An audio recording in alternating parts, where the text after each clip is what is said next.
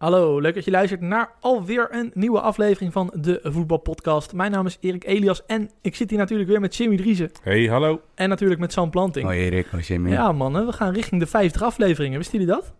Veteranen in de podcast game. We staan nu volgens mij 5, 6 of 47.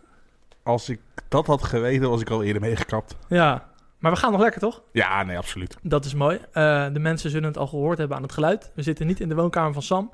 Geen katten. Ja. ja, nee, we zitten gewoon lekker bij FC Afkikken. FC Afkikken is een enorme podcastproducent aan het worden. Ze hebben hier een uh, tien keer betere studio dan wij, dus daar mogen we gebruik van maken. En dat vinden we hartstikke tof. Dus dank je wel daarvoor, FC Afkikken. En als je dat niet kent, ga het googlen, ga het checken. Aan de andere kant, ik zeg het elke week, dus...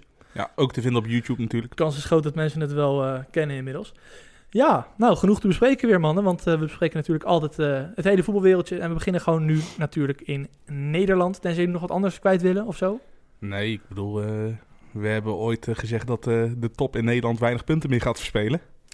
Nou, we zeiden wel in de winststop dat ze niet alles gingen winnen. Nee, zeker. Dat is uitgekomen, maar ja, zeg het maar. Zullen we Ajax of PSV beginnen? Sam? Laten we bij Ajax beginnen, want dat was eerder in het weekend. Helemaal goed. Nou, wie heeft hier een verklaring voor? Wat is hier aan de hand? Uh, ik denk niet dat er zozeer één ding aan de hand is. Ik denk, uh, ja, slechte vorm kan altijd. Ik bedoel, je hebt nou een, uh, een reeks sinds de winterstop neergezet met eigenlijk twee goede helften voetbal. Mm -hmm. Eerste helft tegen Herenveen in de competitie en tweede helft tegen VVV. De rest gigantisch slecht, dus vorm. Nou ja, goed, is het puur de vorm of komt het ook aan teamafspraken? Ik zie toch best wel veel uh, gro Ajax grote kansen tegenkrijgen. Waardoor ik denk dat het dus niet alleen aan de vorm zit, maar ook puur aan hoe de geraamte het elftal in het veld staat en functioneert. Mm -hmm. Ja. En als, uh, als we het echt naar afgelopen zaterdag gaan kijken, uh, als je belangrijkste man in balbezit voor de opbouw, ik denk Frenkie de Jong, als hij een recordverlies, mm -hmm. record aantal balverlies op zijn naam heeft dan wordt je kracht ineens een zwakte. Ja, want vorige week was er een leuke vraag in de mailbag. Hoe zouden jullie Ajax bestrijden? Hoe zouden jullie PSV bestrijden? Uh, ik zei daarin, en dit komt later ook nog terug... Ajax moet je zeker niet vastzetten, want dat lukt je niet, word je weggetikt. Wat doet Heracles zaterdagavond? Ja. Zetten grote delen van de wedstrijd volle bak druk vooruit. Soms man op man, soms één op één achterin. Soms als het goed voor elkaar met 2 tegen 1 aan de zijkant. En dat werkte gewoon. Maar, Ajax had heel veel balverlies. Maar Erik, vergeet ook niet, zelfs als uh, Heracles even niet druk uh, zetten, mm -hmm. ging de passing bij Ajax ook zo traag en zo slecht dat uh, dat druk zetten voor Heracles niet eens altijd uh, nodig was. Want ik denk wel dat als Heracles heel de wedstrijd in dezelfde intensiteit druk had gezet, dat ze de tweede helft ja. helemaal kapot waren. Nee, ze wisten het heel goed af inderdaad. Maar ik heb wel, weet je, iedereen die nu zegt van ja, dit komt door transfersaga's en de teamafspraken worden niet meer nagekomen. Maar die, die wie- wantrouw ik een klein beetje, ik Wie, eerlijk zeggen. wie vond jij de slechtste speler afgelopen zaterdag? Nou ja, inderdaad. Kijk, daar- het, het is sowieso moeilijk om, om echt een schuldige aan Mhm. te wijzen, want iedereen was slecht en er is niet één zonderbok. Maar Nee. ik, vond, ik vond zelf, vond ik uh, Tadic en Daley Blind vond Ja. ik gigantisch slecht. Maar- is op zich niet erg, alleen daar gaat de transferperikelen toch niet om. Nee. Ik bedoel, die, die, die spelen niet met een transfer Nee, en, en weet je wat ik ook vind? Van, inderdaad, er wordt gezegd van er wordt, de teamafspraken worden niet meer nagekomen en er wordt niet hard gewerkt. Maar Tadic die zijn back één op één niet voorbij komt of blind die ballen niet vooruit inspeelt, dat heeft allemaal weinig met willen te maken. Maar weer gewoon een beetje met kwaliteit. En hoe dat verschil tussen de eerste en de tweede seizoen zelf dermate groot kan zijn, dat weet ik niet. Nee. Iedereen die daar een verklaring voor heeft, dat is een hele grote. Ik wantrouw echt degene die nu zegt van ja, hier heb ik echt een verklaring voor. Sam, ik vind jou een beetje stil. Nou ja, ik zat dus. Ik heb een beetje de wedstrijd raar meegekregen. Want ik was aan het werk terwijl die wedstrijd gaande was. Dus ik kreeg eigenlijk alleen de audio mee. En ik heb hem dus de dag erna, terwijl ik al wist wat, wat er ging gebeuren, heb ik hem. Ik heb hem pas ochtends zondagochtend teruggekeken. Een soort zelfkastijding. Ja. Ehm nou, omdat ik toch weer, we gingen het hierover hebben. Ja. La, la, la. En Ajax, dat eerste half uur, dat is een van de slechtste versies van Ajax die ik ja, in mijn In dit goede Ajax ook. Zeker van Ja. dit goede Ajax, maar in, in, in mijn, in mijn hele leven heb gezien. Van het was zo... eh, ze wisten zo geen raad met eh, gewoon een goed georganiseerde press van Ja. Heracles. En ehm, ja, dat, na een tijdje moet je wel gewoon... Ik bedoel, je speelt kort als Ajax. Het gaat altijd via positiespel. Korte passing. Snap je? Je wil door het midden, over de grond... wil je uiteindelijk dat je creatieve spelers... op de helft van de tegenstander de bal krijgen op de juiste plekken. Ja. Dat is in heel kort gezegd het plan van Ajax. En dat doe je met veel spelers die naar voren gaan. Ajax bleef maar na een tijdje achterin pielen. Want ze bleven maar gewoon op dezelfde manier opbouwen. Mhm. Terwijl, ja, na een tijdje moet je, moet je een lange balplan eh, gaan bedenken. En je hebt meerdere versies. Van je kan natuurlijk bij een bepaald soort spitsen... kan je gewoon de spits gaan opzoeken... en hopen dat meer dan de helft van de, van de, van, van de luchtduels eindigt in een afvallende bal voor een ploeggenoot. En dat, bijvoorbeeld, nou ja, dat, PSV, dat doet PSV heel vaak als Maar zij onder druk worden Kan, gezet. kan dat bij Huntelaar? Dat kan met Huntelaar niet. En bijvoorbeeld Dolberg is ook niet helemaal dat type, maar wel al, die kan dat al iets beter. Maar in de, dat is dus ook een, een van de dingen die ik problematisch aan Huntelaar vind. Van als reservespits is het niet iemand die per se een andere speelstijl aan de kaart speelt. En B, behalve dat we, snap je, een spits die aan zijn volgens mij vijftiende profseizoen bezig is de schuld gaan geven. Dit was natuurlijk wel gewoon de verantwoordelijkheid van de mensen die Ja, de bal hebben in de opbouw. de- dus de- dat zijn... De grote spelers gaven niet thuis. En dan kunnen we ze op nou gaan noemen of het nou Frenkie de Jong is, of De Licht, of Blind, of Schöne. Maar die hebben in principe niet goed genoeg het voetbalspelletje gespeeld. Wat je bij Ja, Ajax zou willen want na zien. een tijdje moet je natuurlijk wel gewoon... Ik bedoel, ik zit al de hele tijd te praten... ik- Ik had er ook op mijn werk deze week over van... Ooit heeft iemand de term plan B bedacht. En ik hoor bijna altijd alleen maar mensen zeggen plan B... eh, waar- waarvan ik denk van... Oké, jij weet A niet wat plan A is. En, en, en wat is een plan B? Ik ken alleen maar planting. Precies. Lekker, Shem. Maar... eh, kijk, Ajax heeft natuurlijk meerdere manieren hoe ze normaal gesproken Ja, met positiespel... jij zegt eigenlijk, als je onder druk wordt gezet, is een gerichte lange bal op een spits en een variatie binnen plan A en niet per se plan B of zo. Ja, want je moet na een tijdje... Bijna elke ploeg heeft ook... En dat zag ik bijvoorbeeld... Een goed voorbeeld was vorige week. City Arsenal. Die ging zeg maar met tien veldspelers op een, op een postzegel staan. In de verdediging. Zo, zo dicht bij elkaar. En wat City gewoon net deed, was crosspaas na crosspaas na crosspaas. En op een gegeven moment dan sta je 1 tegen 1. Oh, na, na een tijdje rek je dat blok dan op, snap je? Maar zelfs een ploeg als City, de meest kortspelende ploeg op aarde... heeft ook zeg maar lange varianten erin. En Ajax heeft eigenlijk de, de verdedigers met De Licht en Blind die dat ook zouden kunnen. ja, Maar dan kom je dus op de volgende vraag die ik aan jullie zouden willen stellen. Van, mist Ajax op dat moment eh, diepgang op de zijkanten? Missen ze zeg maar buitenspelers die echt buitenspelers zijn? Want ze spelen nu met twee nummers 10 op de zijkanten. Ja, en dat zou je eventueel kunnen, kunnen indekken door je backs nog hoger te laten spelen natuurlijk. Maar alleen, ja, dat is heel erg kamikaze als je dat beide kanten tegelijk doet. Eh, maar wat ik eigenlijk vooral heel erg belangrijk vind, als ik even een Mhm. zijstapje neem. Ja, eh, ik bedoel, Ajax was slecht. Maar ondanks dat het heel slecht was, gaven ze, en dat de ruimtes best wel groot waren, kregen ze niet echt hele grote kansen tegen, heb ik het gevoel. Want eh, kijk, Heracles eh, krijgt een penalty. Dat, eh, bedoel, dat, dat was een redelijke aanval van Heracles. Maar het begon eigenlijk ook al met, een, Ja, met geklungel bij, PS, bij, bij Ajax. De goal was eigenlijk geen aanval van, A- van Heracles. nee. En daarna heeft Heracles nog één grote kans gehad met ook nog een slechte terugspeelbal van Blind. Van Blind. Ja, Met die Onana ook niet goed verwerkt. Dus eigenlijk, ondanks het slechte veldspel, hebben ze niet zulke grote kansen tegengekregen als tegen Herenveen Nee, en het was Feyenoord. dit keer inderdaad minder in de omschakeling. Het was meer en in balbezit, was balverlies het. verliezen, ja. Ben ik met je eens. ja. Ja, En ook even, we moeten ook even alle, alle kudo's aan Heracles geven. Ja, tuurlijk. speelde goed. Dat is wat natuurlijk de meest enerverende ploeg in de Eredivisie dit jaar. Van die wisselen echt goede resultaten. eh, snap je? En echt indrukwekkende wedstrijden af met gewoon een beetje rare... Maar, maar geldt dat niet een beetje voor heel de, de, de middenklasse Ja. eredivisie? Als je ziet ook hoe dicht bij ze allemaal staan. Ja, dat denk ik ook. Ja, maar dit, was, dit had Worm moeten echt goed, Ja, goed, nee. goed voorbereid. En eh, ik bedoel, dat was in de openingswedstrijd van, van de Eredivisie Ajax-Heracles in de Arena ook al het geval. En ja, ik vond een paar spelers bij, Her- bij Heracles ook echt... eh, Goed voetballen. Ja, echt goed voetballen. En je natuurlijk Osman en Koebas staken er bovenuit, omdat dat natuurlijk de, de, de, de, de meest begaafde maar spelers die in dit gasten op het team zijn. middenveld die bleven lopen Ja, en goed Konings ook. Ja. Ja. Hey, eh, Sam, eh, ik hoorde Ten Hag na de wedstrijd nog zeggen van we moesten vaker Donny van de Beek zoeken tussen de linies. Maar jij zegt eigenlijk van ze hadden beter nog een linie moeten overslaan. En eerder die aanvallers aan moeten spelen door de lucht of door de grond. Ja, in elk geval, eh, of het nou do- door de lucht of over de grond is, in elk geval, ze hadden een ander patroon moeten vinden. Want kijk, nu was het elke keer dat Heracles in een 4-4-2 begon.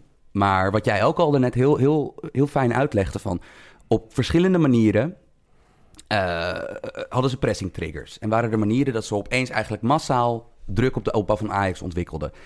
En ja, nou, als je 20, 25 minuten lang. Dus hoeveel balbezitten zijn dat? Dat zijn 50, 60 keer dat je de bal hebt. Dat je elke keer er niet doorheen komt. Dan moet er na een tijdje dus variatie in zitten. En dat kan een kantwissel zijn. Dat kan inderdaad een diepe bal op spits zijn. Dat kan diepte op de vleugel zijn, wat jij er net Dus zo zie je echt die opeens op links komt of zo. Wat dan ook. Dat je inderdaad dat je even zie ik en daar iets aan één flank houdt. Dat je, Ja. dat je Donny van der Beek inderdaad als een ander aanspeelpunt gebruikt. Ze probeerden het wel met Christus, hè. Die kwam echt vrij hoog, kwam die, kwam die op een gegeven moment ook te staan. Ik, eh, hoorde van, eh, ik hoorde van, mijn, eh, van, een- van een van de collega's bij VI, eh, ik, een, een, een nader te noemen webredacteur, die noemde hem de rechtsbenige Mitchell Dijks. Ik, eh, vind, dat een, eh, ik vind dat een goede bijnaam. Ja, vind dat een, Dijkse heerlijke voetballer, man. Holy moly, Christensen. Dat Ja, is, eh, De motoriek is niet goed, maar zijn voorzetten vind ik dan wel weer prima. Vijf assists dit jaar. ja, oké, maar geen goede rechtsback. Nee, het, het ziet er niet uit ook niet, nee. Nee. En verdedigend vind ik hem ook niet goed. Mannen, Ja. ehm, in hoeverre... Ik, ja, we moeten het hierover hebben, sorry. In hoeverre vinden jullie dat de transfergeruchten en de transfer van Frenkie de Jong... heeft dat invloed of niet? Wat denken jullie? Ik weet niet of... Ja, dat vind ik zo... Ja, hoe, hoe is iets Ja, meetbaar? ik vind dit echt een klassiekertje van een correlatie is niet altijd een causatie. Als iets gebeurt, oké, Frenkie de Jong transfer... en Ajax gaat slecht spelen, is er niet altijd een verband tussen. Nee. Er is iets gebeurd in de winterstop, Ja, maar hoezo? Omdat er zo'n knak in zit. omdat Maar, er zo'n knak in resultaten Ja. in zit. ja, Maar je weet niet wat. Want dat kan van alles zijn. En dat kan inderdaad... eh, Het kan, de simpele lezing kan waar zijn, hè? Ik bedoel, het kan echt zo zijn dat, er, dat dit afgunst creëert bij Ja. andere jongens. We moeten het niet uitsluiten. Maar ik vind dat het... Snap je? Het leven is meestal niet zo. Zo, Dus we wachten zo 1, eigenlijk, 2, 3 simpel. we wachten eigenlijk op 2031. Ja, als het boek uitkomt van eh, Jeroen- Erik ten Hag. Jeroen Stekelenburg op het Olympisch Stadion, andere tijden sport, Tom Egbers met pensioen. Wat ging er fout in Florida? Daar wachten we op. Ja. Ja, toch. Ik denk eh, toch die mascottes, eh, Bart Simpson en Squid en zo, hè? Ja, er zat iemand in het pakje. Ja. En, maar aan de andere kant, ik bedoel, de vuile was wordt genoeg buiten gehangen in een zekere krant. Ja, eh zeker eh, Ja. sponsor van Ajax. Ik vraag me tegenwoordig bij die Telegraaf af als lezer, is dit nou waar of niet? En dat is eigenlijk het ergste wat je kan gebeuren als krant. Toch? Dat, Nee, ik denk dat de Telegraaf daar maling aan heeft. ja, Zo- zolang het maar verkoopt. als ze maar krantjes verkopen. Ja, is wel heel slecht hoor. Maar goed. Ja. Eh, Trouwens, wel even gewoon het, het, het, het, het obvious ding benoemen. Wel super raar dat Neres geen speeltijd kreeg. Ja, dat vond ik ook raar. Ik vond het eigenlijk bijna, eh, daar heb je in het Engels ook een mooie term voor van paralysis by analysis. Ten Hag heeft het zo overgeanalyseerd van ik haal Schöne eruit. Dus er moet een jongen met een goede vrije trap in het veld staan. Weet je, dat was zijn verklaring namelijk vanwege die spuivattingen. Nee, Maar als je, al, Neres erin. als je al echt eh, zo wanhopig bent dat je echt alleen nog maar van de spelervattingen wil aan, eh, Ja. uitgaan, vind ik een slecht punt. Maar sowieso, eh, oh, we gaan het straks nog later over Ten Hag hebben. Dus ik, ik Ja, parkeer eh, mijn gedachten verder nog even. Nou, dat is mooi, want toen was er dus inderdaad eh, een vraag in de mailback vorige week van hoe moet je PSV dan bestrijden? En toen werd er eh, ook in deze podcast gezegd, ja, die moet je juist hoog onder druk zetten. Wie zei dat? Hè?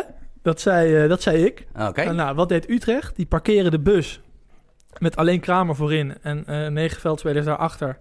Zeer verdedigend. En dat werkt. Gingen enigszins economisch met de kansen om. Kwamen 2-0 voor, maar het werkte wel. PSV kwam er niet heel... Ja, maar toch vind ik het... eh, ik, ik vond het ook weer niet een hele beste tactiek, want PSV zette Utrecht wel echt gigantisch onder druk, Ze hoor. kwamen er niet meer uit, hè? Nee, ik bedoel, eh, goed als je de bus parkeert, maar zorg dan wel dat je zelf eh, in balbezit heel efficiënt Ja. bent. En dat je de bal nog in ieder geval in de ploeg kan houden. Maar hoe kan je nou, dat vraag ik me serieus af. Je bent dik advocaat, je hebt 40 jaar ervaring als coach, denk ik. Ja, zoiets. Je bedenkt, ik ga in de omschakeling spelen en dan stel ik Michiel Kramer op. Dat snap ik echt niet. Ja, ik, ik snap wel vaker Niet, te- dingen niet niet. te hard dit zeggen, hè, want anders gaat hij weer huilen op de persconferentie. Ja, Nee, nou, ik denk Wat de fuck was dat Ik denk niet dat Dick Advocaat naar deze podcast luistert, maar ik snap het echt niet. Als je nou Nick Venema hebt, of eh, je kan met Kerk wat bedenken in de spits en een andere jongen op rechts. Kerk was wel goed trouwens. Ja. Maar ehm, ja, ook PSV heeft toch moeite, blijkbaar, om door het lage blok van Utrecht heen te spelen. Ja, omdat je ze zo... eh, weet je wat het is? Je, je gaat zo zorgen dat PSV een beetje in hun kracht, maar ook gelijk hun zwakte gaat, eh, gaat spelen. Mhm. Want ze gaan dan echt Luc de Jong echt alleen maar zoeken. Alleen maar zoeken. En wat krijg je dus? Eh, Bergwijn en Lozano komen dus veel minder in het spel voor. Want alles gaat via de backs.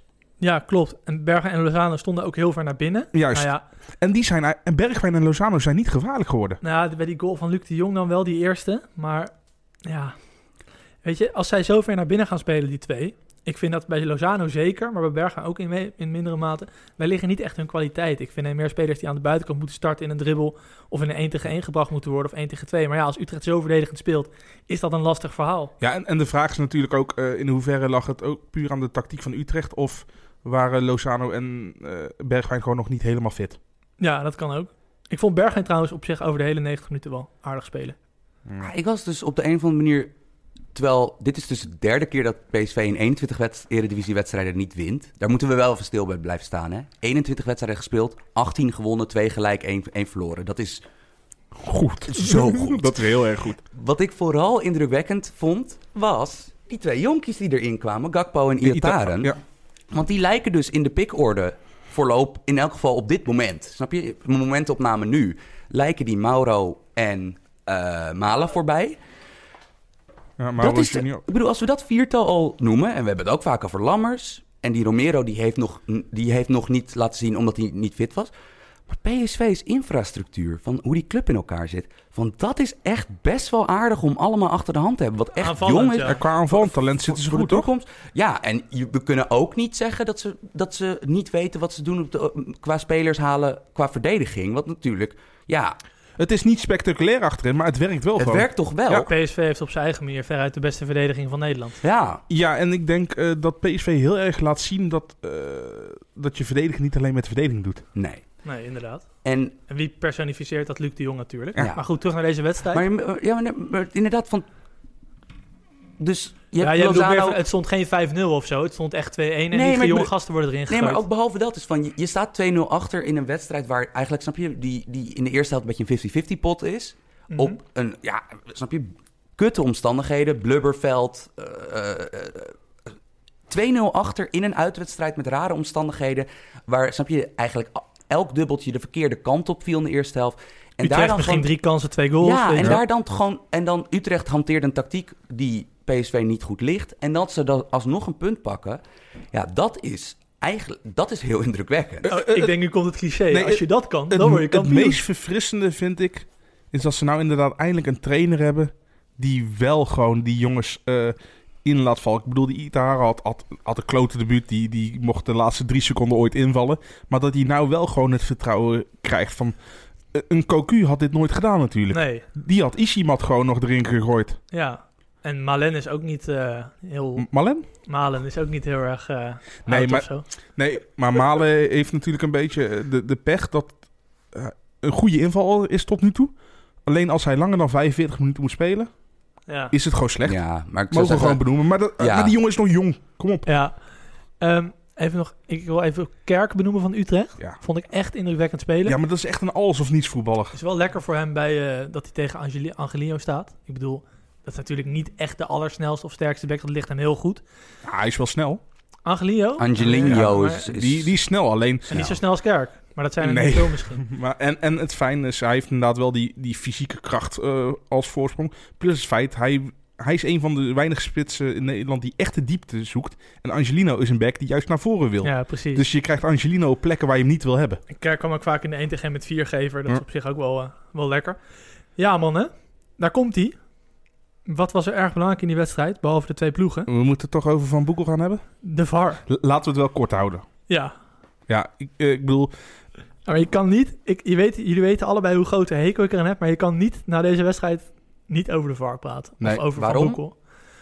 Nou ja, omdat die man twee keer een penalty geeft... waarin in vergelijkbare omstandigheden vorige week bij Heerenveen een penalty wordt gegeven. hij ge- een penalty die niet geeft. Hij geeft de penalty niet tot twee keer toe. Ja.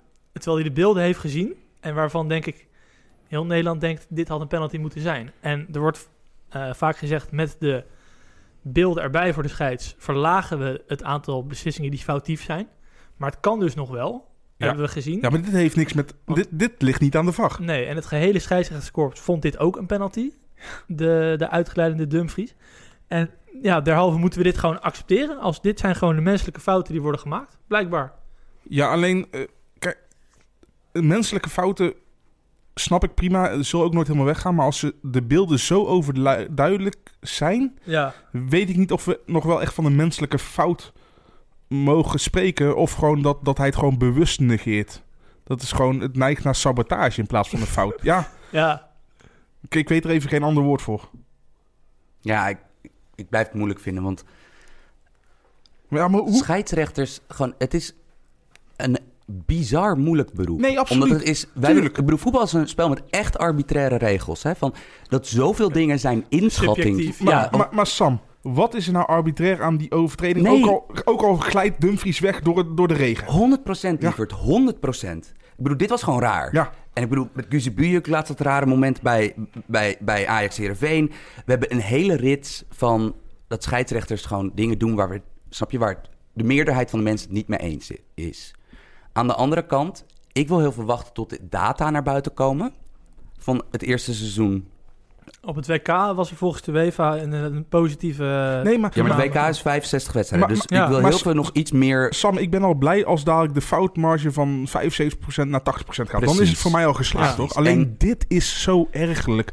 Iedereen ziet het. De scheidsrechtersbaas ziet het. Ja. En nog na Maar bijvoorbeeld afloop... zo'n Mario van den Ende die dan op Twitter en vast en zeker ook op televisieshows zegt van... VAR, een project van 6 miljoen, maar als ik zie hoe het nu werkt... is het nog alleen 6 cent Ah, ja. waard. Van, van, Ja, dat is, dat, misschien moet je daar niet aan maar dat. Is de schuld aan de telefoon geven... als je vriendin het via, snap je, in een telefoongesprek met je uitmaakt. Van, dan, be- dan begrijp je niet helemaal de causaliteit van ik, wat er ik heb gebeurt. daar geen ervaring mee. Ik heb daar ook geen ervaring mee. Ah, ja, ik heb wel eens, ik heb wel eens gezegd. ik vond die van Jeroen Elshoff leuker. Van, eh, dit is dat je een Ferrari hebt en dat je ermee gaat rijden als een Honda of zo. Ja.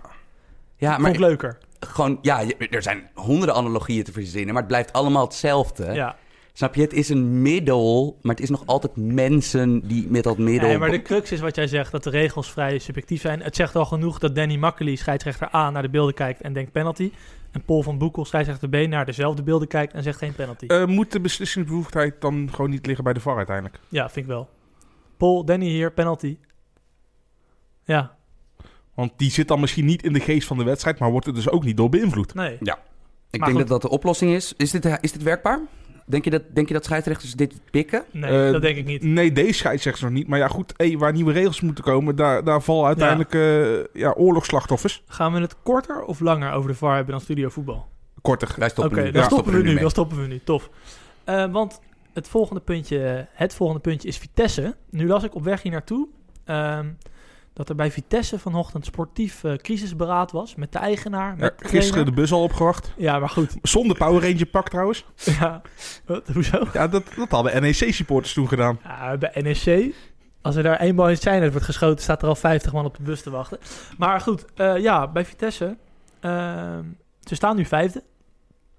Ehm, ze hebben de vierde begroting van Nederland. Ik heb nog even proberen uit te zoeken. Het spelersbudget weet ik niet zeker. Maar dat zal ongeveer het vierde, vijfde, zesde van Nederland zijn. Ehm, Nou, ze verliezen een paar en spelen een paar potjes gelijk. Ik vind het een beetje overtrokken allemaal. Ik zeg je heel eerlijk. Ik had gehoopt dat Sloetski, de trainer van Vitesse, iets zou toevoegen aan de Eredivisie wat er nog niet was. Aangezien hij bondscoach is geweest van het Rusland. spel is wel echt slecht, hoor. Heeft in Engeland gewerkt. Ik had gehoopt dat hij de, de 3-5-2 in Nederland zou introduceren. Of de 3-4-2-1. Want dat heeft hij bij eh Heeft Siska hij wel Siska gedaan. ook gedaan. Ja. Maar het is gewoon 4-3 zonder bal, met bal. 4-4-2 zonder bal. Zoals alle ploegen spelen. Ze hebben ongeveer de vijfde ploeg qua kwaliteit. Dus daar staan ze ook, ja. ja, dat had je ook met een andere trainer kunnen hebben. Ik weet niet heel erg of Alex Pastoor of Fons Groenendijk heel veel meer of minder ervan had gemaakt. Henk Vrezer. Henk Vrezer. Ja. Wat wil jij erover zeggen? Ja, nou ja, dat kijk. Vijfde nu. Ze staan vijfde met 30 punten na 21 wedstrijden. Ja, De nummer 16 in de Eredivisie. Dat is dus Excelsior? Excelsior. Hebben 22 punten. Dat is dus een gat van 8 punten. Kan in principe binnen drie speelrondes kan het anders zijn. Precies. Er zitten dus quick 12 match. Er zitten... Quick mats. Big Shaq. Ehm, er zitten dus 12 ploegen in een middenveld van 8 punten. Dus zelfs Groningen, wat ik in de, in de hot take special van onze...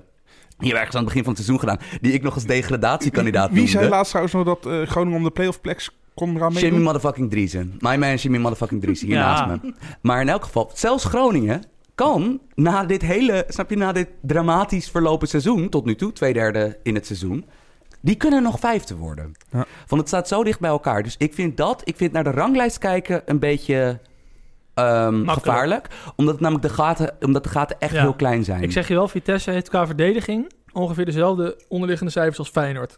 Zowel, qua schoten die ze tegenkrijgen, volume. En, maar, eh, maar zijn dat goede cijfers of slechte cijfers? Dat is redelijk. Dat is gewoon vergelijkbaar met gewoon vierde, vijfde van Nederland. Dus ze hebben... Maar aan de andere kant, dit is een ploeg die als je de oogtest erop na, eh, op nalaat, dat je denkt, jemie, nee. Er, is, er die- zit meer in. zou, zou meer in moeten zitten. Ja, we hebben van tevoren hebben we toch gezegd dat ze met Bero en Eudegaard gewoon geweldige aankopen hadden gedaan. Ja.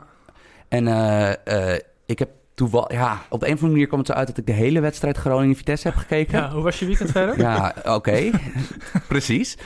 En holy shit, allereerst. Hey, we gaan de ploegen niet te veel afbranden, maar Nee. echt goed was het ook niet, hè? Dit Was, het, was- was het matig? Het was echt kut.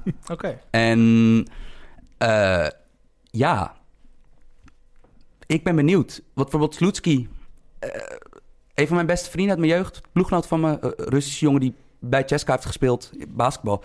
Gigantisch Cheska-fan. En die zei toen al, dat hebben we toen ook hier in de podcast besproken, van Sloetski, een van de, snap je, de leukste mensen die je in die voetballerij zal, zal treffen, maar Heeft ook al een Fox Sports doc. Precies, maar dat over het algemeen dat niet helemaal duidelijk werd in Rusland of hij nou een goede trainer was. Omdat hij ook gewoon een tijd lang een ploeg had die veel beter was dan... Was heel het geraamte van de Russische elftal Ja, speelde. dat gewoon het hele Russische elftal speelde. De Plus beste wat goede buitenlanders. Brazilianen. Ja, Precies. dat is altijd lekker. En ik begrijp niet helemaal, ik begrijp niet helemaal het idee hierachter. Want dit, dit, dit- Vitesse is echt een van de meest starter-kit eredivisie ploegen. Gewoon Ja. qua alles moet over de grond. Dat gepiel achterin met Ja. verdedigers die niet per se heel goed kunnen voetballen. Niet via het middenveld voetballen. Nee, Snel en- de zijkanten zoeken. Terwijl, Ja. terwijl je echt leuke voetballers op het middenveld Ja. hebt. Met Ja. Miro en Serrero. Maar daarom hoopte ik dus, nou, we herhalen onszelf. Daarom hoopte ik dat het een beetje anders zou worden. Ja, maar ik bedoel, zou het jullie verbazen bijvoorbeeld... Het zou mij niks verbazen als Vitesse gewoon vijfde uiteindelijk wordt. Zich herpakt en snap je dat Maar ze kunnen ook zomaar twaalfde Ze worden. kunnen ook zomaar twaalfde worden. Ja,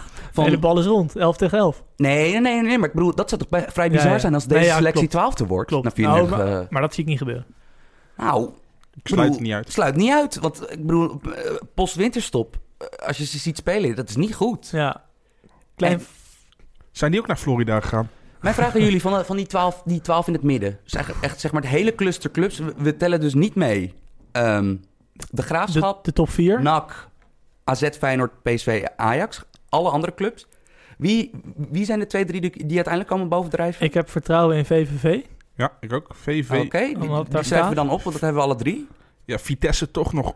Toch ja, vanwege Vitesse de wel kwaliteit. gewoon, ja. En ik gok dan tussen Groningen toch nog en Mhm. Willem II. Ja, Willem II heeft gewoon best wel een steady ploeg. Die hebben ook echt Adi Koster starter pack eredivisie. Maar aan de andere kant, De uitgemergelde Ademos. ja, ik weet het niet, man. Ik, eh, ik, ik, ik denk dat ik dan toch voor Heracles ga. Want die, Oh, ja. ik vind hun pieken... Ja, maar, maar die zijn ook gewoon heel slecht aan het tweede seizoen zelf. Ja, gevallig maar ik gewoon. vind hun pieken wel indrukwekkender dan de... En, en bijvoorbeeld een andere ploeg die, als het een keer zou gaan lopen... De, het talent heeft om nog, om nog in die laatste 13 wedstrijden op een run te gaan, is Herenveen. Ja, nee, dat is die, die, die, bijvoorbeeld een- die verdediging is... Heerenveen dit jaar, dat... dat Nee, maar daarom. Maar dat is dus, het grappige is, al die ploegen hebben dus echt heel duidelijke minpunten. Van er zit dus... Maar als je verdediging zo echt slecht is als Heerenveen, is dat Ja, een heel groot ja, minpunt. maar- maar Want ik- zij kunnen 20 keer scoren in de wedstrijd, dus ze Ja. krijgen er 21 tegen. Maar het wordt dus wel interessant. De komende drie, vier speelrondes worden interessant. eh, niet alleen vanuit dit opzicht, maar ook natuurlijk vanwege die degradatiereeks. Bijvoorbeeld ploegen die wij eigenlijk nu al het hele seizoen een goed seizoen zien draaien, zijn nog niet helemaal veilig, maar dat, die kunnen veilig worden. Ja, Bijvoorbeeld zo'n Fortuna, wat nu twee, snap je, belangrijke thuisoverwinningen heeft geboekt, die zijn er bijna. Van die, die kunnen met zes punt, zeven punten in de komende vier wedstrijden echt Ja. iets, iets, Ja. iets aanrichten. Maar het kan ook de andere kant op vallen. Dus dat is, dat is heel interessant wat je de komende weken in dat middenveld gaat gebeuren. En nou, dan is opeens ook bijvoorbeeld zo'n pack, waarvan ik nog steeds niet weet of dat iets wordt met Stam. Maar ja, die hebben wel nu de resultaten opeens. ja, maar die slepen hem wel echt eruit tegen Heerenveen. Een wedstrijd waarin ze echt een mindere kans hadden. Ja, dus ik ben, ik ben echt heel benieuwd. Maar eh, in dat geval, ik denk dus dat dat is, het, is qua race interessant. En dan zullen we uiteindelijk aan het eind van het seizoen, zal het onderin zal het heel hectisch worden. Want zijn gewoon, die ploegen ontlopen elkaar niet ja, zoveel. dat gaat wel geniaal Ja, worden. dat gaat, volgens mij gaat het dit jaar weer een goede worden voor het eerst in, eh, in een tijd. Dat het weer echt... eh, Ja, dat is altijd leuk, toch? Chaos. Ja. Mooi, eh mooi voorproef op de play-offs altijd. Wat natuurlijk nog veel meer is. eh, dat het echt chaos is en dat één doelpunt alles kan veranderen. Ehm, sluiten we Nederland af, denk ik. Ja, lijkt me wel toch? Gaan we even naar het buitenland. Namelijk, wat een mooie wedstrijd. Eh, Manchester City tegen Chelsea. was het een Ja, wedstrijd? was- nee. Ja, het was vier minuten een wedstrijd of zo. Ja, heel kort. City scoort gewoon uit de eerste vijf, zes kansen scoren ze vier keer. Ze waren wel echt de betere ploeg. Anders Sterker nog, de grootste kans missen ze. Ja, precies. Die schoot ook weer ernaast. Eh ze waren wel echt de betere ploeg, anders keer je niet zes kansen in 25 minuten. Ze waren wel de, Ja, een bold statement kijk, dit, eh, eh. Ik, ik vind, het, ik vind deze, nu, deze nu genuanceerde instelling een beetje raar als zeg maar... Ja, Even voor de... Er was maar Manchester ploeg. City heeft met 6-0 gewonnen van Chelsea. ik weet het. Terwijl twee maanden geleden zagen we Chelsea, Chelsea nog een beetje als outsider in die titelrace. Nou, ik niet hoor. Nou, dat is helemaal misgegaan. Ehm, ja, We hebben toch alle drie niet gedacht dat Chelsea kampioen zou worden. Chelsea oogt fucked.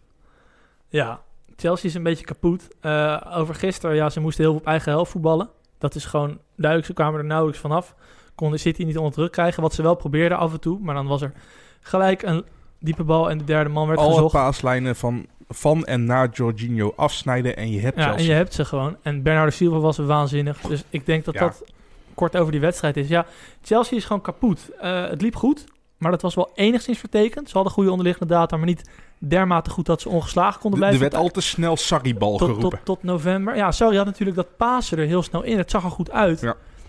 En ze bleven heel lang ongeslagen, maar ze stonden wel kwadraten echt onder, Chel- onder Liverpool en City, wat ook niet heel verwonderlijk is. En sinds ongeveer de jaarwisseling is er echt een knik ingekomen, zowel aanvallend als Ja. verdedigend. Ze hadden één raar spasme. Ergens net voor Ja. kerst wonnen ze de, dit heenduel met City. Ja, ook onterecht Ook overigens. onterecht, maar dat wonnen ze, die wonnen ze tenminste nog wel met 2-0. Mhm. En hielden ze het achterin dicht. En sindsdien zijn ze helemaal kwijt. Ja, en eh, ik kijk niet elke week Chelsea, maar wat er voornamelijk gewoon misgaat is wat Jimmy zegt. Mensen hebben een manier gevonden om Jorginho uit het spel te halen. Als je Jorginho uit het spel halen, is er niemand die de bal over de grond aan Hazard geeft in de laatste 30 meter. Dus Hazard komt veel aan de buitenkant in balbezit. Eh de spits erbij betrekken is al het hele seizoen problematisch. Of dat nou Giroud was, of Morata, of, Morata, of Hazard. Of Dus nou Higuain. ze hebben nu Higuain gehaald. Is dat de oplossing ervoor? Weet ik niet. Je haalt wel iemand, een bewezen goalscorer, maar ja, die moet ook bediend worden. Iemand die wel goed was onder Sarri. Ja, en kijk, het is een beetje, een beetje hetzelfde verhaal als met Ajax. Als jij veel voetballers opstelt, dus je stelt centraal eh, David Luiz op, je stelt Marcus Alonso linksback op, je stelt Jorginho op 6 op, en je hebt niet vaak de bal op de helft van de tegenstander en er wordt veel gecounterd, ja, dan ben je de Sjaak. Want, Zou één positiewisseling al eh, voor een hoop stabiliteit zorgen? nou ja, Kante en Jorginho omdraaien? Ja, maar Jorginho is Ja, ook niet in dit echt systeem. een 8. Nee. Want dan dan zou je... Kante te veel aan de bal. Ja. Kante is Ja. de beste balpakker ter wereld. Maar Maar- Om Moet, hem- om moeten hem ze dan vijf- in de double pivot spelen? nou, nee, want Nee. Dat, dat is niet Ja, hoe is Sarri ook- werkt. Nee. Maar het probleem is, kijk, Nee. je kan Kante geen 95 tot 120 passes per wedstrijd laten Nee. geven. Nee. Daar is hij niet. Nee, gaan, de helft gaat mis. Ja, terwijl het is... Ja, Nou, dat weet ik. Ja, precies. Maar het is... hij zal niet vooruit spelen. Kijk, het probleem was, Sarri heeft een van de betere ploegen van de laatste tien jaar... die Napoli, geen kampioen Ja. werd, met dat Napoli gehad. Ja, Van dat ze gewoon de pech hadden dat, dat Juve echt zo, financieel en qua spelers en qua infrastructuur zo ver voor op de rest stond. Dat Qua zij scheidsrechters. Precies, het is bij Juve altijd een Ja. beetje allemaal. En wat daar zo leuk aan was, het was zo'n ploeg. Het was zo'n tik, tik, tik, tik, tik ploeg. Zo'n ploeg waar je ook internetfilmpjes van zag, van aanvallen die bij de keeper begonnen. En dan met 24 passes dat een team helemaal schil werd gespeeld voordat de Ja. Mertens of Insigne hem eh, gewoon binnen kon lopen. Maar zij hadden die ploeg, had zeg maar wat je in het American football deep threats noemt. Dus mensen die, snap je, voor de diepte zorgen, waardoor, waardoor de verdediging respect moet houden voor de ruimte die ze achter zich verdedigen. Oftewel snelheid. Mhm. En dat hadden ze bij bijvoorbeeld Insigne was de Hazard van die ploeg, de spelmaker op de En linkerflank. dan ging, kan je gewoon op de rechterkant altijd diep. Ja, maar Insigne ging ook. Dat, dat is bijvoorbeeld iets waar Insigne denk ik beter in is dan Hazard. Ik bedoel, Hazard is uiteindelijk wel de betere voetballer, maar Insigne is ook een geweldige linksbuiten. En die voegde dat ook een beetje toe. En wat jij al zegt, op die andere flank hadden zij gewoon een echte ja, draufganger. Gewoon een echte iemand die sprint na sprint na sprint na sprint na sprint. Maar nu op rechts staan toch Willian of Pedro? Ja, Die kunnen dat toch ook? nee. Nee, Pedro, Nee, dat zijn- Pedro is zijn sowieso niet zo'n zo'n diepgaande ik dacht speler. dat dat bij Pedro, bij, bij Pepsi Guardiola, zijn Barcelona ook wel een beetje zijn rol was. Om, Pedro is pasende speler. Ja. Hij- Team Willian is een één op één speler. En hetzelfde ge- geldt met die spitspositie. Dat bijvoorbeeld Mertens bleek dus met zijn snelheid en met zijn aparte manier van acties. Bewegelijkheid ook. Ja, want hij werd dus al heel snel een valse negen genoemd, omdat een mannetje van 1,66 meter in de spits werd Ja. opgesteld door Sarri. Maar het was niet per se een hij val. bleef best wel in de spits. Ja, en hij, dat was ook een soort van verticale dreiging. En dat Mhm. heeft deze ploeg niet. Maar we hebben het nu heel veel over spelers die op bepaalde posities niet renderen. En dat is eigenlijk logisch, want het is gewoon een hele grote verandering. Of dat Ja. je van Mourinho en Conte, een ploeg die daarbij gedijden, naar Sarri gaat. En kijk, dit is een beetje hetzelfde om het naar Nederland te vertalen alsof Philippe Cocu was weggegaan bij PSV. En dat ze dan nu Peter Bos zouden krijgen. En Ja. dat eerste jaar is gewoon een beetje problematisch. Wat Chelsea vooral niet moet doen, niet dat ik daar ook maar enige invloed op heb, die illusie heb ik niet. Nee. Sarri laten zitten en hem uiteindelijk... eh, kijk, je- haalt Sarri binnen, dus je hebt een bepaald voetbal voor ogen. Ja. Zorg ook... Ik, ik ben nooit helemaal voor van dat je, de, dat je de trainer moet laten beslissen wie er komt. Maar bij een trainer die zo expliciet een stijl heeft, geef hem carte blanche. Je, je weet wat je met hem naar huis haalt. Zorg dat hij de juiste spelers kan halen. En wie niet mee wil, Ja, maar Oprotten. dat ben je als het, het is heel makkelijk gezegd Maar ben je- dat ben je als bestuur toch ook bijna verplicht? Van we gaan het radicaal anders doen. Ja. Een hele andere speelstijl. Dan kan je toch niet na acht maanden zeggen van het werkt niet, je gaat eruit. Zeker Ja. niet met die eerste maanden in het achterhoofd. Want ze hebben, dus, nou, ze hebben dus de metronoom van dat Napoli-team, Jorginho, hebben ze mee laten komen met Sarri voor heel veel geld. Omdat City hem ook wilde hebben als backup van Fernandinho. Maar bijvoorbeeld, ja, een van de dingen die dat Napoli zo goed maakte was... het was dus tik, tik, tik op het middenveld, overal driehoekjes. En dan had je met Hamziek had je een soort van Davy Klaassen deluxe, deluxe, deluxe. En Zo'n middenvelder die diep kon gaan en die dan bij de 16 bijsloot... en dan met, snap je, schoten, kopballen en wat dan ook... of steekbasis aan doelpunten bijdroeg. Een, een middenvelder die 20 goals, 10 assists... eh, in alle competities per seizoen had. wel bizar trouwens, want Hamsik is al jaren terug echt heel lang al aan Chelsea gelinkt. En Ja. uiteindelijk toch die Nee. stap nooit gemaakt. En eh, dat is dus bijvoorbeeld dat, dat Chelsea toen ter tijd voor een tijdelijke oplossing ging. En met Kov- Kovacic gewoon weer een meetikker haalde. Snap je? Een technische jongen, maar die niet, die niet echt per se van de schoten en de, en, de, en, de, en de sprintjes naar de 16 meter gebied is. Dat was misschien achteraf bezien kunnen we dat zien als van oei. Van ja, van je hebt een club die gebouwd was op reactievoetbal. Snap je? De bal naar de tegenstander Ja. gunnen en dodelijk toeslaan. En je wil dus naar Sarribal. Ja, dan heb je wel op bepaalde posities heb je daar specifieke spelers voor nodig. En als je die niet hebt in, een, in de beste competitie van de wereld, in elk geval in de top, nee, je ziet wat er gebeurt. Kijk, je, je- je kan een Lidl ook niet ombouwen naar een Albert Heijn... en dan Nee. alleen nog maar Lidl-producten aanbieden. Nee, precies. Dan moet je ook eh, andere dingen in het schap Juist. leggen. Ja. Ja, nee, dat zeg je heel mooi. En ehm, ja, kijk, ik denk niet dat als Chelsea vierde of vijfde wordt, dat Hazard blijft. Ook niet als ze derde worden. Ik denk dat sowieso Hazard eh, weggaat. Dus ze moeten, ja, als je beste speler weggaat, krijg je wel wat knaken binnen waarbij je weer je, je transitie kan Komt komt wel een doormaken. plekje voor Insigne vrij. Ja, ja, het zou kunnen. Dan wordt het echt Napoli 2.0. Kunnen ze Kai gewoon voor de rechterflank halen. Nee, maar zonder gekheid van... Die club moet de komende transferperiodes gewoon... Nou, zoals Liverpool is misschien wat overdreven... maar gewoon echt een paar home runs slaan. Ja.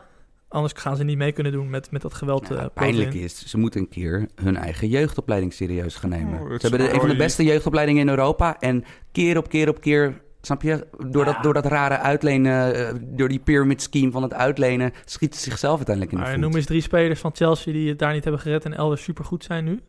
Nou ja, ik bedoel, als je kijkt naar die Mourinho-jaren, dat waren niet per se jeugdspelers van Chelsea.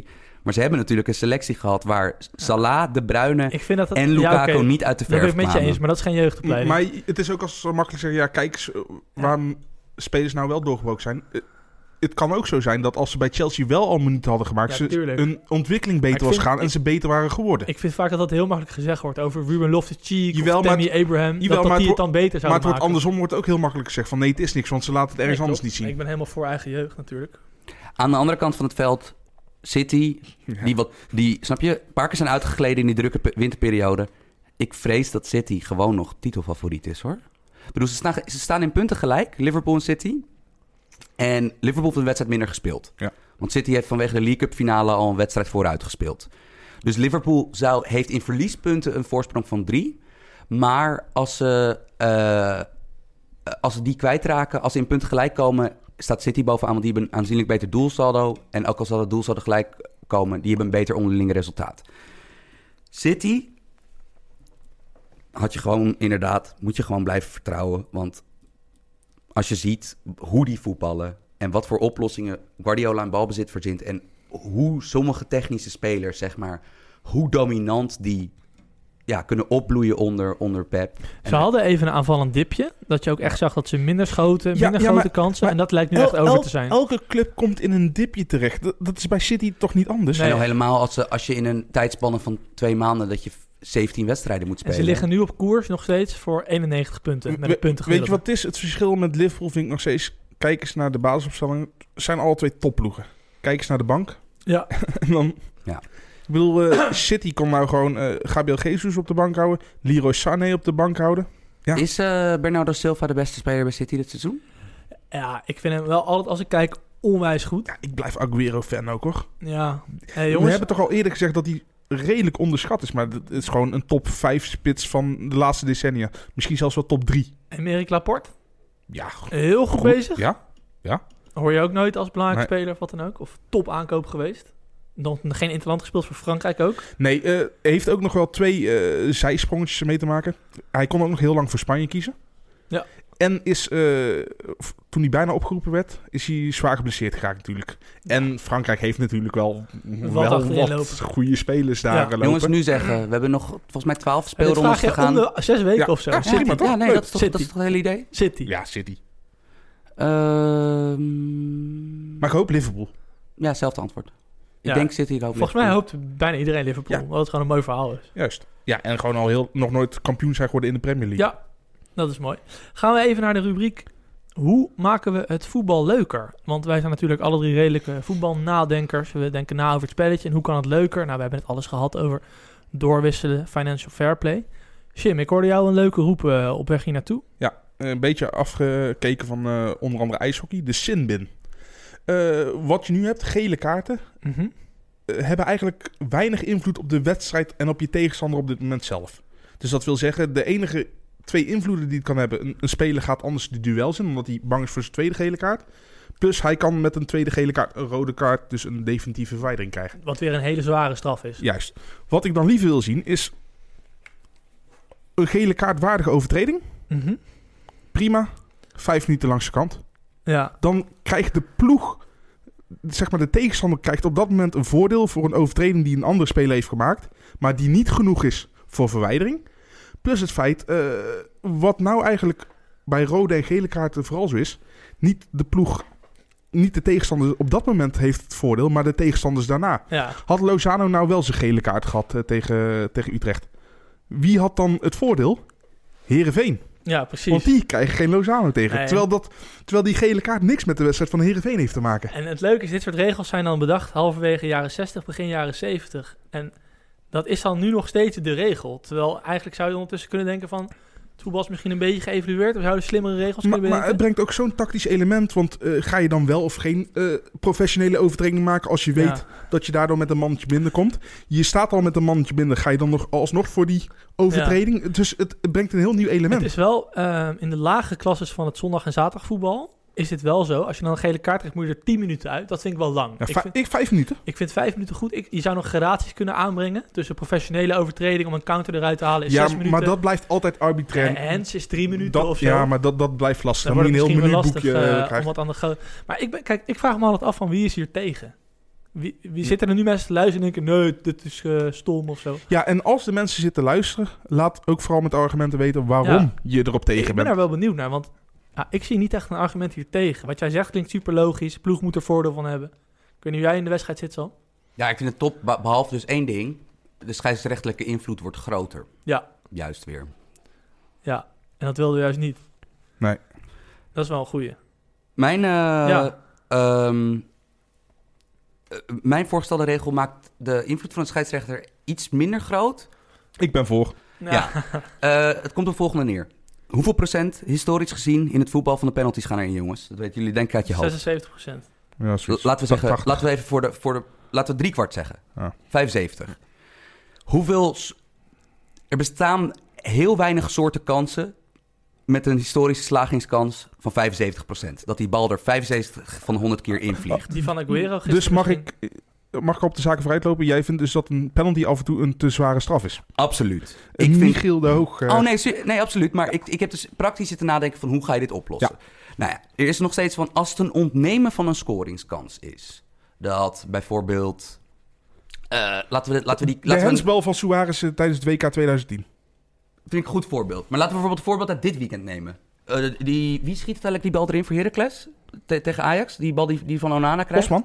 Osman. Stel dat die Osman was doorgedribbeld in het penaltygebied... en een van die Ajax-verdedigers ramt hem neer. Ja. Dat is een penalty. Punt. Ja, Bijvoorbeeld Real Madrid, de, de, de, de derby Madrileño dit weekend, Real Madrid-Atletico, werd redelijk beslist door een penalty. Ja, met, met, met een, met een duel wat zeg maar weer randje penaltygebied was. Van, en ook nog eens, snap je, dus heel ver van het doel. ja. Ik heb Dus in principe, Dumfries was in de nieuwe regelgeving geen penalty geweest. Nee. Maar wat krijg je dan? Een vrije trap binnen de 16? Ja, ja. Kijk, en dan krijg je dus een indirect vrij En trap. dan zegt mijn instinct gelijk van ja, maar dat is een veel te kleine kans om te scoren. Want zo vaak gaan die ballen er niet in. Aan de andere kant, je ontneemt iemand ook een vrij kleine kans om te scoren. Precies. En wat ik dus wel wil doen, want ik vind bijvoorbeeld heel vaak een vrije trap ook een beetje eh, een, kleine, ehm, eh, een kleine beloning. Want bijvoorbeeld, ja, je kan ook iemand dus gewoon heel moe- moedwillig onderuit schoffelen op 18 meter van het doel. Terwijl dat een kansen zijn. Dus ik wil om vrije trappen iets leuker te maken, wil ik een maximum aantal mensen in de muur voorstellen. Oh, lachen. Eén. Ja, drie of vier zou ik dan zit Oh, ik zelf is te leuk, denken. ja. Drie. Want dan wordt die afstand veel groter waar hem er langs kan krullen. Ja, daar, en ik wil dus dat er minder penalties, minder penalty goals vallen en meer vrije trap goals. Je weet de regel in het beachvolleybal, hè? Als je een vrije trap krijgt. Nee? Een vrije trap Eh, in het beachvolleybal. Beachvoetbal. Oh, beachvoetbal. Nee, Ja, we hebben een heel goed beachvoetbalteam, hè? Onder leiding van Leo Koswal, de oud-prof ook.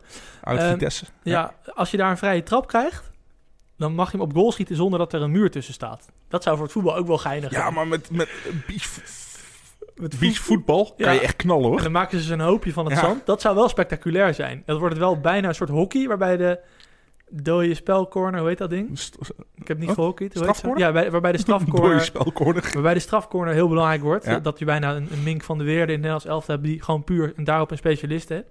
Misschien moeten we dat niet willen, maar die penalty moet eraan. Dat is wel een beetje duidelijk. Mhm. Ja. Ja, Ik, ik, ben, ik ben voor. Maar ik, ik was al lang voor dit Ja. idee inderdaad. Ik heb er eigenlijk eentje die het voetbal sneller maakt, leuker en ook eerlijker. Dat is, we moeten af van die 6 seconden regel van de keeper. Want nu is de regel... Ja, maar, maar die is het toch al niet eens Ja, meer? maar maat, luister nou. Oh. Die keeper die mag die bal zogenaamd maar 6 seconden in zijn handen hebben. Maar Ja. wat doet elke scheids?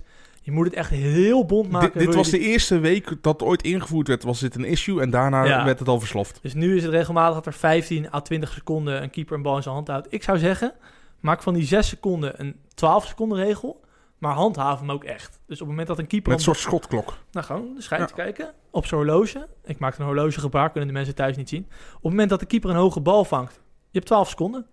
Dan hou je een beetje tempo het spel. Nu gaan ze een kleine regel? liggen. Ja, luister. Nee, We hoeven niet het hele spel te veranderen. je kan zeggen, dan wil ik een beetje nuance maken... dat hij binnen 12 seconden uit het strafschopgebied moet zijn. Nou, vind ik ook een hele goede inderdaad. Ja. Maar inderdaad, in, in ieder geval, nu pakt een keeper een bal, gaat hij er nog op liggen, weet je wel. Dat zijn wel de mooiste reddingen. Echt Ja. een hele makkelijke redding. En dan doen alsof het een showduik was. weet- en dan drie keer Maar weet je doorrollen, hoe lang zo'n keeper in de praktijk zo'n bal zal? Ik denk 25, 30 seconden. Tuurlijk. moeten mensen maar op letten komende tijd. Maar ja, goed, eh, met zuivere speeltijd heb je er al wel weer wat minder last van je bent als scheids echt een nerd als je hem gaat geven. Ik bedoel, dat... Ja, Ja, en, en voor tijdrekken, dat krijg je ook weer het gele kaartenverhaal. Je krijgt altijd je eerste gele kaart voor tijdrekken. ja. En daarna kan je tijdrekken wat je wil, want je krijgt die tweede gele kaart... ik denk in gezien. 99 van de 100 gevallen niet. Nee. Ja, en mocht je nou zitten te luisteren en je wilde wat over kwijt... eh, Of heb je zelf eh, nieuwe heb je regels? zelf leuke regels, kan je ons bereiken op Twitter, de voetbalpodcast, op Gmail, de voetbalpodcast.gmail.com. En eh, ja, misschien ken je Sam wel persoonlijk, kan je me een WhatsAppje sturen. Misschien ga je wel eens op de koffie bij Jimmy, wie weet. Laat ons weten wat je ervan vond. Hebben we nog een klein luchtig leuk dingetje. Vorige week hadden wij een hele leuke vraag in de mailback over... wat zou nou jullie beste team zijn van teams buiten de, van het rechte rijtje? Over twee weken kan het trouwens weer een heel ander team zijn, omdat er andere ploegen in staan. Ja, Ja, dat is een all-star team uit het rechte En rijtje. de mensen die vorige week geluisterd hebben, die weten dat er heftig gedebatteerd is over enkele spelers. Eh, een paar mensen waren unaniem. Sergio Pat was redelijk unaniem. Eh, Lammers was unaniem.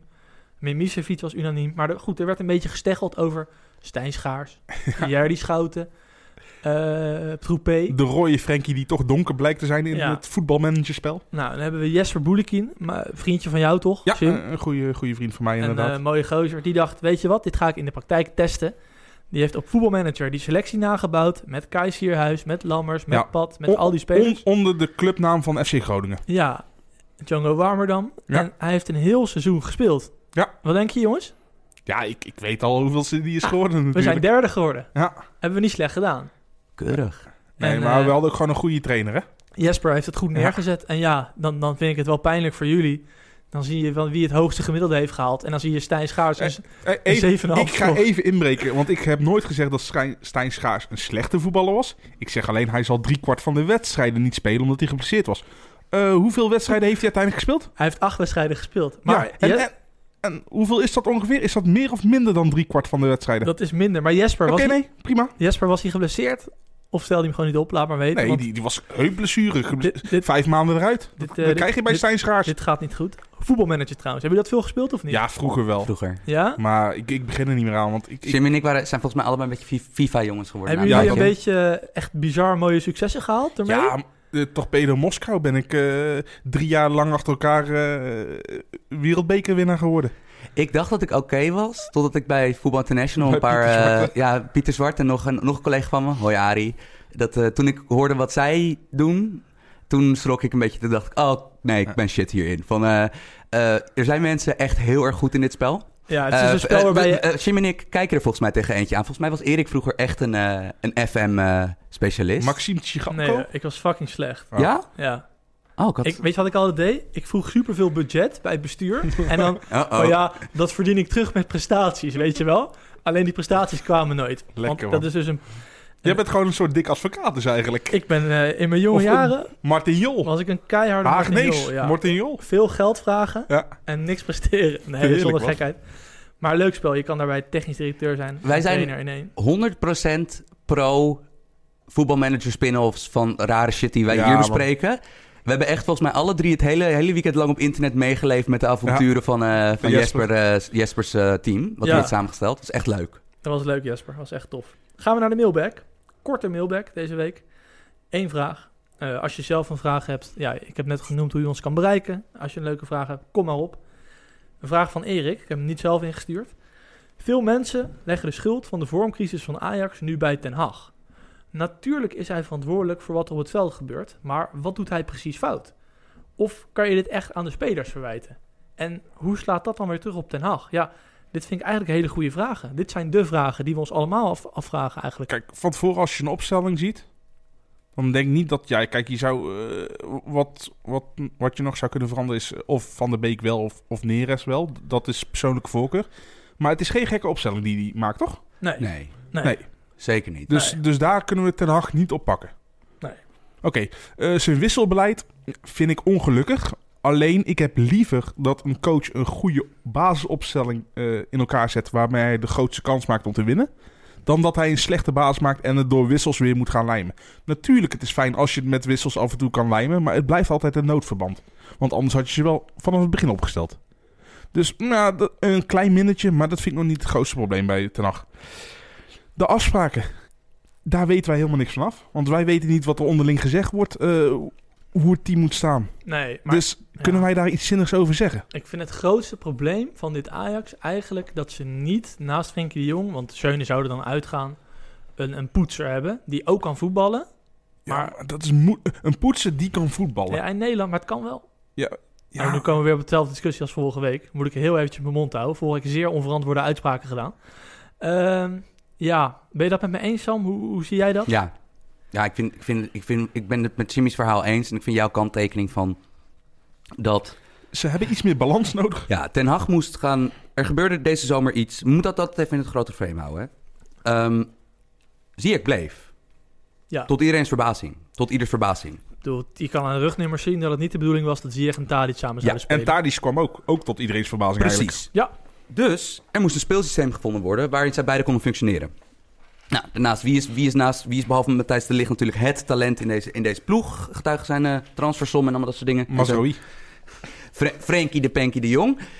Ehm, hij moest dus een systeem verzinnen waarin zij allemaal terecht konden. Ja. En met Schöner erbij heb je dus een vierde spelmaker. En die shit werkte. Heel lang. Ik bedoel, je, bent, je hebt je geen enkele keer ge- geblameerd in de Champions League. Je was samen met PSV in het eerste seizoen zelf allebei op weg naar een Ja, record record aantal ja. punten. Ja. Maar inderdaad, de, zowel op de spitspositie, dus de, de, de, de, de, de spits die eh, bij Dolberg zou moeten aansluiten, als eh, op de controleurspositie, waar Schöne dus nu altijd staat en waar er niet echt andere smaken beschikbaar zijn. Maar want je kan, ja, je kan Blind erop stellen, je kan, Ja, maar dan heb je centraal weer niks. Ja, want je je hebt kan- Weber laten gaan en Magajan is geblesseerd. ja, je kan Van de Beek naar achter halen als Eiting weer fit is. Maar dat is allemaal een beetje dezelfde soort smaak. Ja. Ja. Maar een Paulse type is er niet. En, eh, of laten we even een recent... eh Jorrit Hendricks type is er niet in deze ploeg. En dat is inderdaad iets wat ze missen. Maar waar ik denk dat het mis is gegaan, is dat je... Je hebt, een- je hebt dit elftal. Je hebt een paar spelers die, snap je, gewoon die... Waar we het allemaal over eens kunnen zijn dat die echt goed zijn. Ja. Onana. Ja. Hoe kwam die binnen? Als eh, jonge jongen van Barcelona. There we go. Masraoui, Uit de jeugdopleiding. Had geen contract. De Licht, Zelf opgeleid. Ja. Blind. Uiteindelijk zelf opgeleid in eerste instantie. En daarna weer voor heel terug. veel geld teruggekocht. Oké, Tajevico is dan, valt een beetje uit de maat, want die hebben ze goedkoop gekocht. Ja, een Henk Hoytink aankoop. Schöne, Ja, Transfervrij van NEC. Ja. maar die, die hangt al heel lang bij die club. En ondanks al eh, kritiek die ik op Schöne heb, is het toch wel echt gewoon een hele goede transfer gebleken. Ja. Frenkie de Jong, 1-0 van Willem II. op welke leeftijd, wat voor soort leeftijd? Ja. Twee jaar geleden, 19 jaar, 18 jaar? Nee, drie jaar geleden. mij Op piepjonge leeftijd. Van der Beek, eigen jeugd. Ziyech. 25, Voor, voor een hoop eh, geld gekocht. Ja. eh, zeker Maar destijds. dat, die wilde elk... Ik bedoel, dat was destijds een no-brainer. Dan heb je Tadic, duur. Ja. Net als Blind, duur. 29. En dan heb je Dolberg. Ja. Hoe, hoe, op wat voor leeftijd werd hij gehaald? op 17 jaar toen hij net zijn eerste, eh, eerste wedstrijd bij Silkeborg had gespeeld. Precies. Dus wat je ziet, als je dit allemaal in kaart neemt, is dat die tactiek van Ajax om in die leeftijdscategorie tussen de 16 en 19 te vissen, daar slaan ze een heel groot net uit. Ze halen heel veel jongens in die leeftijdscategorie halen ze binnen. Ja. Dat werkt.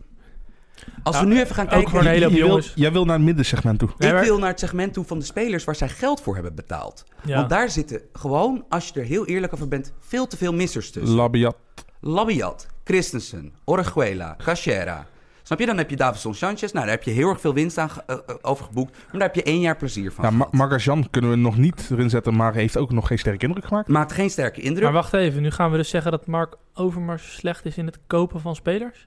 Nou, ik bedoel, dat is, natuurlijk, dat is natuurlijk heel vaak gezegd. Maar het is natuurlijk wel een beetje schrikken dat bij een ploeg die geloofd werd om het talent wat erin zat, dat dat talent bijna allemaal afkomstig is uit A, de eigen jeugd, B, uit, dat- uit, uit, die, uit, die- uit dat grote visnet-techniek Ja. met, met jonge En spelers. daarvan kan je nog afvragen of dat echt beleid is, want ze kopen er heel veel. Ja, we- En gooien heel veel tegen de muur we- aan. Wat we- blijft we plakken, blijft beschuldigen- plakken. Ja, dat we beschuldigen-. We beschuldigen Chelsea ervan, maar eigenlijk doet Ajax Ja. hetzelfde. Ik bedoel, Ja. of het nou eh, Victor Jens is of zo. Maar ze hebben heel veel spelers die dat niet gaan halen. Als het aankomt op spelers, snap je, die al redelijk volwassen leeftijd hebben bereikt. En al, snap je, bij, bij andere clubs in het eerste elftal hebben gespeeld. Ja.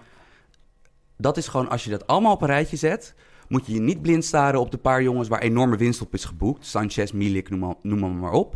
Ja, Van- maar, maar Milik was ook nog heel piepjong toen Ja, hij kwam. want ik vind wel dat je slagpercentage, snap je, als jij 10 ballen op je krijgt afgegooid op, op, de, op transfervlak voordat je, dat jij echt, dat jij spelers voor echte bedragen koopt, vind ik dat je er 4, 5 van die, van die 10 ballen raak moet slaan. Sam, En dat doet Ajax niet. Sam een, een vraag. Wat is voor jou de laatste geslaagde aankoop van iemand die al eh, redelijk volwassen was, maar nog niet oud genoeg was, die uit dat middensegment gekocht is en ook echt daadwerkelijk geslaagd is? Het ligt eraan of je Neres meetelt. Eh, eh, Nee, Neres vind ik, nog, vind ik nog te jong. Want Neres had- had 15 wedstrijden Ja. gespeeld in Brazilië 1. ik, Ja. ik zelf heb iemand in gedachten en ik vond misschien niet eens altijd supergoed, maar een Demi de Zeeuw is denk ik de laatste echte aankoop. Ja, en Ziyech natuurlijk, maar Ziyech is gewoon... Ja, ik bedoel, onze mening over Ziyech is, is bekend. Maar daarvoor is denk ik Demi de Zeeuw de laatste echte aankoop van dat middensegment geweest, die zich gewoon moeiteloos in de basis heeft gespeeld en die een meerwaarde bleek te zijn. Viergever misschien. Mm, Ja, maar vier Ja. geven... Hij heeft één goed seizoen gehad Ja. Ajax. Stond hij naast Ja. Sanchez. Ja, heeft, heeft er vier seizoenen gespeeld en toch ook niet, eh, niet heel best altijd. Ja, ik wist niet dat je deze kant op zou- zou gaan, Sam. Ik zou me beter moeten hebben ingelezen om hier echt wat over te zeggen. Maar gevoelsmatig denk ik dat, dat Jimmy en jij allebei wel gelijk hebben... dat het lang geleden is dat er zo'n speler is gehaald. Ja. Uit, uit die groep. Want we hebben het hier dus niet over de no-brainer. Bijvoorbeeld, kijk, wij hebben al zo vaak dit seizoen gezegd... er is geen Ziyech in de Eredivisie. Nee. Er is niet een speler buiten de top 3... waar elk blind, snap je, eh, eh, elke blinde lul kan zeggen... ja, die gaat heel goed. Die- snap je, die wordt top als die naar een topclub gaat. Stenks komt in de buurt. Maar die Ja. is jong en heeft weinig wedstrijden Ja, gespeeld. laat dat nog maar eens een seizoentje bij AZ blijven. En dan als je dat afzet tegen PSV, de ploeg die jou als Ajax, eh, de club Ajax, telkens weer in de weg zit in- met die titelrace.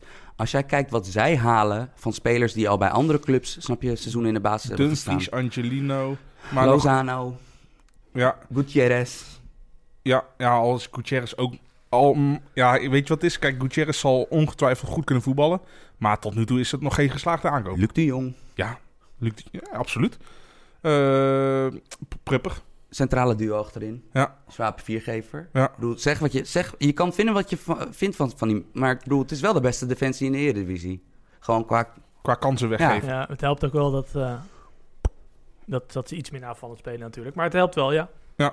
Nou, Ja, Dus eh, Ajax deze week tegen Real Madrid Mhm. in de Champions League. En daarover gesproken, Erik. Volgens mij heb jij, eh, voor de mensen die dit al op een maandagavond eh, aan het luisteren zijn, heb jij een... eh, je, hebt het, je hebt het al eerder gezegd, maar wat gaan we nu doen? We gaan nu even eh, een kop koffie nemen, de parkeermeter bijvullen. En dan gaan we nog even een podcast opnemen die voorbeschouwt op de vier Champions League wedstrijden van deze week. Ja. Zijn natuurlijk Ajax Real Madrid, waarvan we twee maanden geleden zeiden van nou, hè, Real Madrid uit, zou best kunnen. Waarvan je nu denkt van hmm, kan een lastig verhaal worden, maar daarover eh, dus meer in die andere podcast. Manchester United tegen PSG, Paris Saint-Germain, wat natuurlijk een onleuk, onwijs leuke matchup is. Roma-Porto, ja, gaat dat zien. En natuurlijk Tottenham tegen Dortmund. Dus die Ja. vier wedstrijden gaan we even allemaal langs. De een wat langer dan de ander. En die podcast komt dinsdagochtend om 8 uur online. Dus mocht je dit nou aan het luisteren, ben, aan het luisteren zijn als echt trouwe fan in het laatste minuutje nog. Morgenochtend komt er nog eentje uit. Die gaan we zo meteen opnemen. Dus bedankt voor het luisteren deze keer. Eh, mocht je nog een vraag hebben voor de mailback volgende week, je weet ons te vinden. En we gaan zo meteen nog een podcastje opnemen. En mocht je die niet luisteren, even goede vrienden. Want je gaat natuurlijk niet op donderdagochtend een podcast luisteren met een voorbeschouwing op een wedstrijd die al gespeeld is. Even goede vrienden, dan zien we je gewoon volgende week weer. Shout-out Dieter Elst. Shout-out Glenner Plet. Een hele dikke SO Joris van Overheem.